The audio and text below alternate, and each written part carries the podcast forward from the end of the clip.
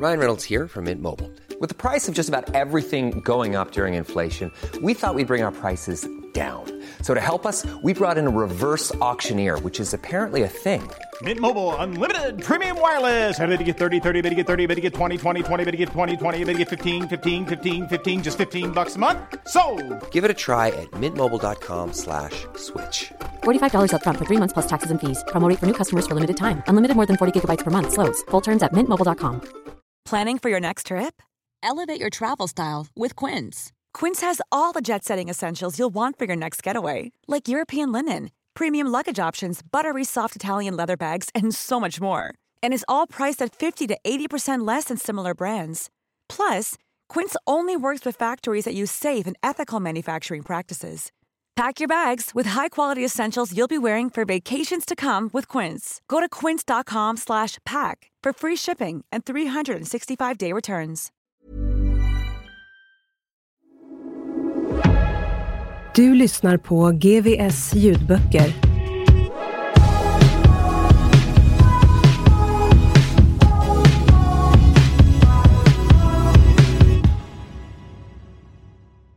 Bara ljuset kan besegra mörkret. Av Sebastian Staxet.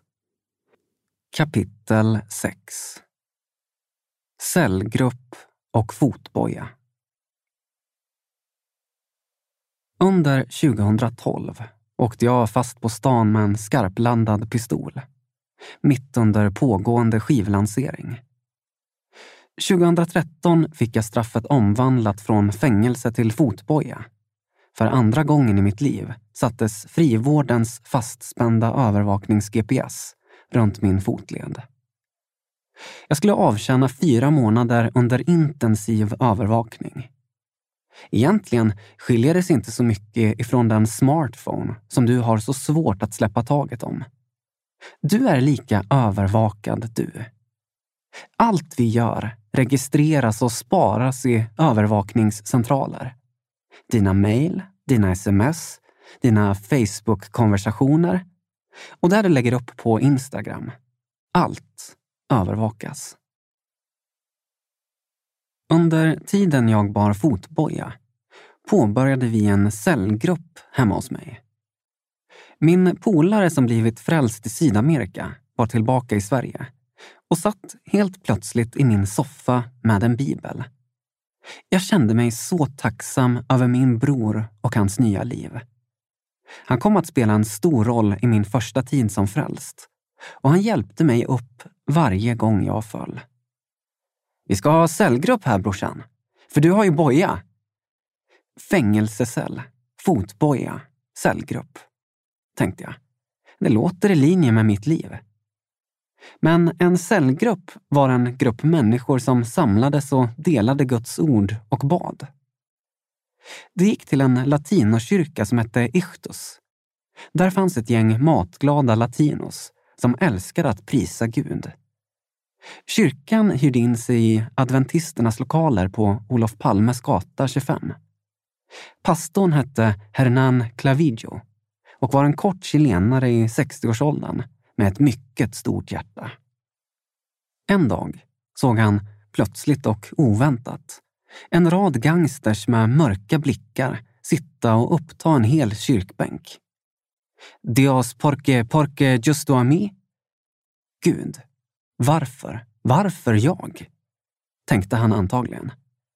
Men han tog sig an oss. Det ska han ha all heder för.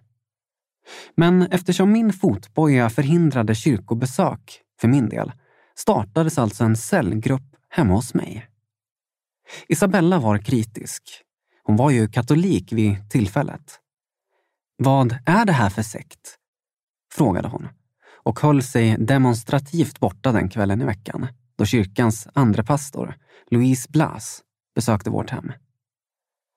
Det var inte så konstigt att hon reagerade så. Hon såg ju hur vi betedde oss när pastorn hade gått. Hon såg inget ljus i mig direkt. Hon hörde och såg samma tugg som hon sett när hon växte upp i Östberga. Den enda skillnaden var att vi nu läste Bibeln en gång i veckan. Vi samlades hela ligan hemma hos mig. Louise kom och predikade en gång varje vecka. Jag somnade alltid i början när jag hörde Guds ord. Det krockade med mörkret som jag bar inom mig. Som Star Wars, typ. Det var som om rösterna i mitt huvud viskade Don't forget who's your father. Pastor Louise kom med sin bibel och knackade in Guds grundläggande sanningar i våra sabbade sinnen. Mannen var ihärdig. Det var respekt. Han såg ingen som helst frukt av arbetet i mitt liv. Men han gav inte upp. Han krigade på. Det var som om han kastade frön av liv in i all död och allt mörker. Och kom varje vecka för att vattna dessa frön som planterats i den svartaste aska. Det var som om han såg något ingen annan såg. Hans tro inspirerade mig. Och han talade till dem i många liknelser. Han sa, en såningsman gick ut för att så. När han sådde föll en del vid vägen och fåglarna kom och åt upp det. En del föll på stenig mark där det inte hade mycket mylla och det kom upp snabbt eftersom det inte hade djup jord. Men när solen steg svändes det och eftersom det saknade rot vissnade det bort. En del föll bland tistlar och tistlarna sköt upp och kvävde det. Men en del föll i god jord och gav skörd, hundrafalt och sextiofalt och trettiofalt. Matteus evangeliet, kapitel 13, 3-8. Men helt fruktlöst blev inte arbetet med oss grabbar. Många gick fram snabbt och växte i tron. Det var svårare med mig. Det var så mycket annat som drog i mig. Distraktioner. Men under en spelning i Jönköpingstrakten hade jag faktiskt klarat att hålla mig nykter. Det var underbart. Louise hade bett för mig att jag skulle kunna hålla mig borta från minibarens frestelser. Jag vaknade upp och sträckte på mig. Det kändes skönt. Ringde Isabella som var lycklig över att jag lät nykter. Jag duschade och packade ihop mina saker. Då såg jag en iPhone-laddare som någon glömt kvar. Perfekt! Jag behöver en extra, tänkte jag snabbt och stoppade ner den i fickan. Mest på rutin. Jag hade stulit saker mer eller mindre varje dag sedan jag var tio år gammal. Det började med godis på Konsum och övergick till kläder. När jag var 13 år gammal var jag en skicklig klädtjuv. När jag var 16 år gammal stal jag kläder för tiotusentals kronor i veckan. Jag lärde mig använda folie för att larmen inte skulle pipa. Senare hade vi tillgång till apparater från forna Jugoslavien som slog ut larmen helt. Jag har stulit och rånat för miljoner utan att ägna en tanke på de som blivit drabbade. Utan att känna någon skuld. Rättfärdigat all skada jag orsakat människor med att skylla på vad jag själv blivit utsatt för i min trasiga uppväxt. En klassiker. Nu hade jag precis stulit en liten kvarglömd mobilladdare på First Hotel i Jönköping.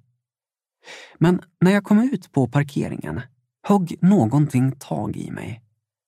Allt jag kunde tänka på var den lilla laddaren. Jag upplevde en enorm storm av jobbiga känslor. Jag fattade ingenting. Vad är detta? tänkte jag. Jag undrade vad det var som hände. Då upplevde jag en inre förmaning. Lämna tillbaka laddaren. Jag slog genast bort tanken. Men den kom tillbaka direkt. Jag har smackat skyltfönster och rensat glasmontrar. Och nu ska jag få dåligt samvete för en laddare som någon har glömt. Resonerade jag. Men jag valde att lyda förmaningen. Ursäkta, någon har glömt denna på mitt rum, sa jag till receptionisten och lämnade pliktskyldigt tillbaka stöldgodset. När jag kom ut på parkeringen upplevde jag hur en himmelsk frid fyllde hela mitt inre. Vilket underbart välbehag. Det kändes så befriande.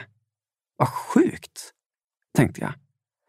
Det kändes som om Gud log mot mig från himlen. Där och då bestämde jag mig för att aldrig stjäla igen.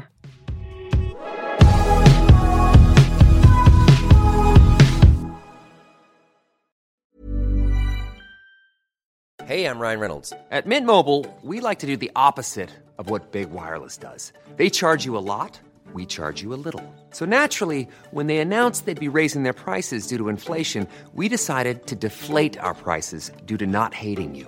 That's right. We're cutting the price of Mint Unlimited from $30 a month to just $15 a month. Give it a try at mintmobile.com slash switch. $45 upfront for three months plus taxes and fees. Promo rate for new customers for limited time. Unlimited more than 40 gigabytes per month. Slows. Full terms at mintmobile.com. Hey, Dave. Yeah, Randy. Since we founded Bombus, we've always said our socks, underwear, and T-shirts are super soft. Any new ideas? Maybe sublimely soft. Or disgustingly cozy. Wait, what? I got it. Bombus. Absurdly comfortable essentials for yourself And for those facing homelessness. because one purchased equals one donated. Wow, did we just write an ad? Yes. Bombas. Big comfort for everyone. Go to bombas.com slash ACAST and use code ACAST for 20% off your first purchase.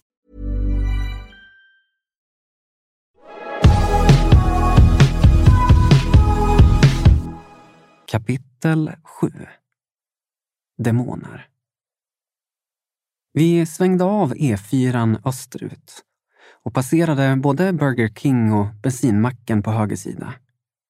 Min blick flackade nervöst fram och tillbaka som en tennisboll. Det gick inte att upprätthålla masken. Den krackelerade sönder. Jag visste vart vi var på väg och jag visste vad som väntade. Flashbacks dök upp från den gång när jag höll på att bli avrättad av thailändska gangsters i en djungel på ön Koh Phangan. Den gången hade jag överlevt. Ärrad och med posttraumatisk stress, men fortfarande vid liv. Jag mindes fortfarande deras skrikande, hetsiga röster på thai när de stod och bråkade om jag skulle leva eller dö. När jag hamnat i farliga situationer i livet har jag ofta blivit väldigt utåtagerande. Någon sorts förvriden försvarsmekanism som utvecklats på gatan. Kill me! Come on! Kill me! skrek jag helt uppjagad av alkohol och adrenalin. Jag mindes dödsångesten jag drabbats av. Allvaret i situationen gick inte att ducka för. Detta var 2007 när jag precis muckat ifrån mitt första fängelsestraff. När tjejen jag träffade tog sitt liv flydde jag till Thailand. Jag knarkade och söp varje dag. Denna kväll var inget undantag. Jag hade knutit kontakt med några som skulle fixa festen åt oss. Vi hade blivit upphämtade och tagna till ett skumt kvarter lite utanför själva turistfällan. Vi hade mött upp ett gäng som skulle hjälpa oss. Självklart hade de försökt råna mig när jag skulle köpa ett litet parti kokain och ecstasy. Efter en högljudd diskussion bad vi om att få bli skjutsade tillbaka till hotellet. Min polare hade fått skjuts på en motorcykel tillbaka till hotellet. Jag på en annan. Helt plötsligt hade bågen jag satt på försvunnit rakt in i djungeln tillsammans med de andra i thai-gänget. Jag mindes hur jag såg ryggtavlan på min vän när han försvann upp mot motorvägen. Min dödskaravan försvann djupare och djupare in i djungelns mörker.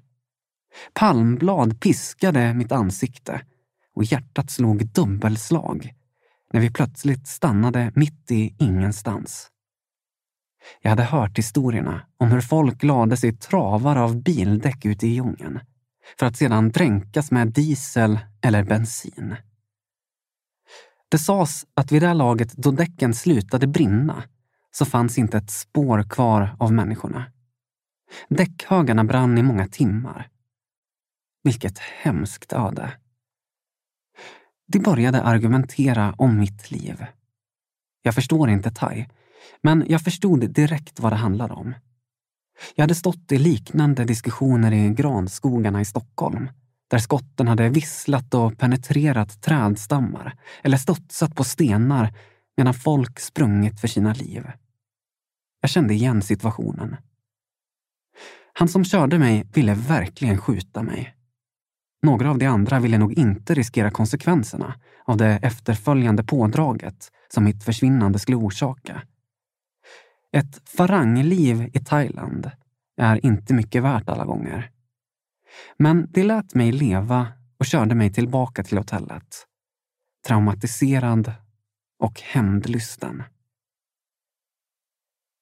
Nu vred jag på mig, krampaktigt i baksätet. Jag kände igen känslan som jag haft i den där djungeln. Som om det var någonting inom mig som skulle dö. Det bråkades just nu om ödet för det jag bar på. Det var en stark andlig kamp. Skulle det få dö eller fortsätta leva? Eller rättare sagt, kastas ut eller få stanna kvar? Det är väldigt svårt att förklara. Men det som hade styrt mina steg och kontrollerat mig så länge med en sån makt och auktoritet vred sig nu av rädsla och ångest. Som en liten råtta som katten jagat in i ett hörn. Jag stoppade ner handen i fickan och fingrade på kokainpåsarna. Den bitterljuva säkerheten i osäkerheten. Drog pekfingret längs med påsens kant och smetade pulvret på tandköttet i smyg. Hela munnen var snustorr, avdomnad och smakade ammoniak. Drogerna färgade inte längre. Men demonerna behövde näring. Än så länge hade de fortfarande något att säga till om. Ångesten i bröstet stegrade som ett spanskt fullblod. Ju närmare huset i Gnesta vi kom, desto outhärdligare blev det. Det slet och rev innanför bröstkorgen. Det kliade maniskt i benen. Som en myrstack med tusentals små myror som klättrade fram och tillbaka under huden och drev mig till vansinne. Det spändes ofrivilligt i händerna, fram och tillbaka. Sendragen krampade och det värkte i hela skelettet. Demonerna gjorde allt för att få behålla sin mark. De reste sina vapen till krig. Rösterna i mitt huvud skrek att jag skulle hoppa ut ur bilen och springa. Att det var bättre att fortsätta dyka in i dimman. Att det var skönare att sjunka djupare i drogerna. Men jag tvingade mig att sitta kvar. Ansiktet slets fram och tillbaka som på en besatt. Nej, nej, nej! var allt jag fick fram.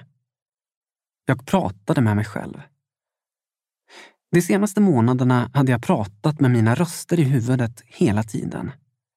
Isabella låg livrädd bredvid mig och bad medan hon fick lyssna på mina demoniska monologer. Det var inte bara när jag var påtänd. Nej, hela tiden höll det på.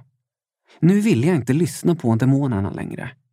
Jag visste att jag inte skulle överleva länge till i deras våld. Jag tvingade mig att tänka på Isabella och barnen. Och på Jesus. Det var som en scen direkt hämtad från Dr Jekyll och Mr Hyde. Eller snarare Exorcisten.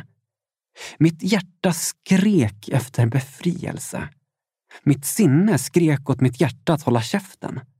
Mitt sinne styrdes av Satan. Mitt hjärta längtade efter Gud. Kriget var i full gång. Huset i Gnesta hade församlingen köpt för att ha läger för att befästa människor i Kristus. På sommaren döptes även människor i den lilla sjön söder om huvudstaden. Det var en plats av stor glädje, men även mycket kamp. Andlig kamp. Min pastor Hernan Clavidios stora kallelse är just befrielse. Jag hade varit där tidigare. Jag hade sett saker. Övernaturliga saker. Jag hade sett tillräckligt mycket för att veta vad som väntade mig, trots mitt förvirrade tillstånd. Eller rättare sagt vad som väntade den fientliga ockupationsmakten som hade tagit över mig totalt. Jag tänkte på min pappas morfar. Hur han måste känt när nazisterna ockuperade Norge under andra världskriget. Känslan av att en mörk främmande makt tar över hela ens tillvaro med våld och förtrycker en med terror. Han var officer i norska armén. Han hade gjort motstånd. Han krigade för sin frihet. Nu var det min tur. Men min krigsinsats var långt ifrån så hedervärd som hans var. Jag var besatt av demoner. Och nu skulle jag kriga för att det skulle ut. Pastor Hernan mötte mig i huset. Han såg allvarlig ut, gav mig en kram. Jag upplevde Guds närvaro. Gick in på toaletten och spolade ner kokainet. Nu fick det vara nog. Hernan började ställa frågor samtidigt som han läste ur Bibeln. Han tittade inte in i mina ögon. Han såg in bakom dem. Han konfronterade det som gömde sig där bakom. Helt plötsligt började demonerna manifestera sig i mig. Jag försvann en stund. Min röst ändrades och blev mörk. Fradga samlades i mungiporna och ögonen spärrades upp. Sen kastade demonerna min kropp ner i marken och jag slets som en galning fram och tillbaka över golvet medan jag skrek som en stucken gris. Jag hörde min mun väsa. Nej, nej, vi vill inte lämna. Vi tänker inte gå. Aldrig! Min kropp ålade sig fram och tillbaka när jag kände Hernans hand på min panna. En el nombre de Jesus fuera. I Jesus namn, ut. När man är med om sådant här förstår man själv inte mycket vad som händer. Man är helt tagen. Det är något annat som styr ens sinne och kontrollerar ens kropp. Pastor Hernan befallde demonerna att lämna mig i Jesus namn. Jesus har gett varje efterföljare till honom makten att befria människor. Om de verkligen vill bli fria. Det kan ta en sekund, eller det kan ta ett dygn. Men det kommer alltid att ske om tron finns där och personen vill bli fri. Det är den andliga lagordningen. Jesus har fått all makt. I himlen, på jorden och under jorden. Vi behöver inte frukta mörkret. Tvärtom är det så att mörkret fruktar ljuset.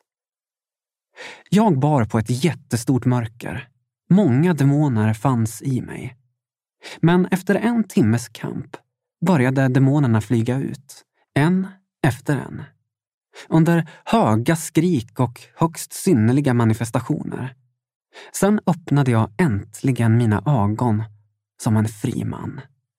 Jag grät av tacksamhet och hörde min mun börja prisa Jesus, herrarnas herre och kungarnas kung. Demoner är ett känsligt ämne, även bland kristna i Sverige, lilla landet lagom. Mentaliteten i landet färgar såklart av sig, även på de som tror på Jesus. Den större majoriteten av de kristna i Sverige har väldigt dålig kunskap om den andliga världen, att det finns demoner och hur den som lider och är drabbad kan bli fri. Hur ska folk kunna uppleva befrielse från mörkrets kedjor om de som ska följa Jesus inte ens tror att demoner som förslavar finns? Jesus ägnade en stor del av sin tid på jorden åt att sätta människor fria. En tredjedel av hans tjänst handlade om att kasta ut demoner. Och det är väldigt konstigt att vi i Sverige nästan helt negligerat detta. Vad hade hänt med Maria från Magdala om inte Jesus befriat henne från de sju onda andar som förstörde hennes liv? Vad hade hänt med den stackars mannen som vi läser om i Bibeln, som plågade sig själv och bodde naken bland gravarna? Den mannen var besatt av tusentals demoner. Jesus kände medlidande och kärlek för honom och kastade ut alla demoner. Och mannen blev helt fri och fick sitt liv tillbaka. Vart Jesus än vandrade botade han sjuka och kastade ut demoner. Överallt. Där ni går fram ska ni predika. Himmelriket är nära. Bota sjuka, uppväck döda, gör spetälska rena och driv ut onda andar. Det ni har fått som gåva ska ni ge som gåva. Matteusevangeliet, kapitel 10, 7-8. Jesus såg hur bundna människorna var och förbarmade sig över dem. Han besegrade Satan vart han än kom, krossade honom. Han visade oss ordningen i himmelriket här på jorden.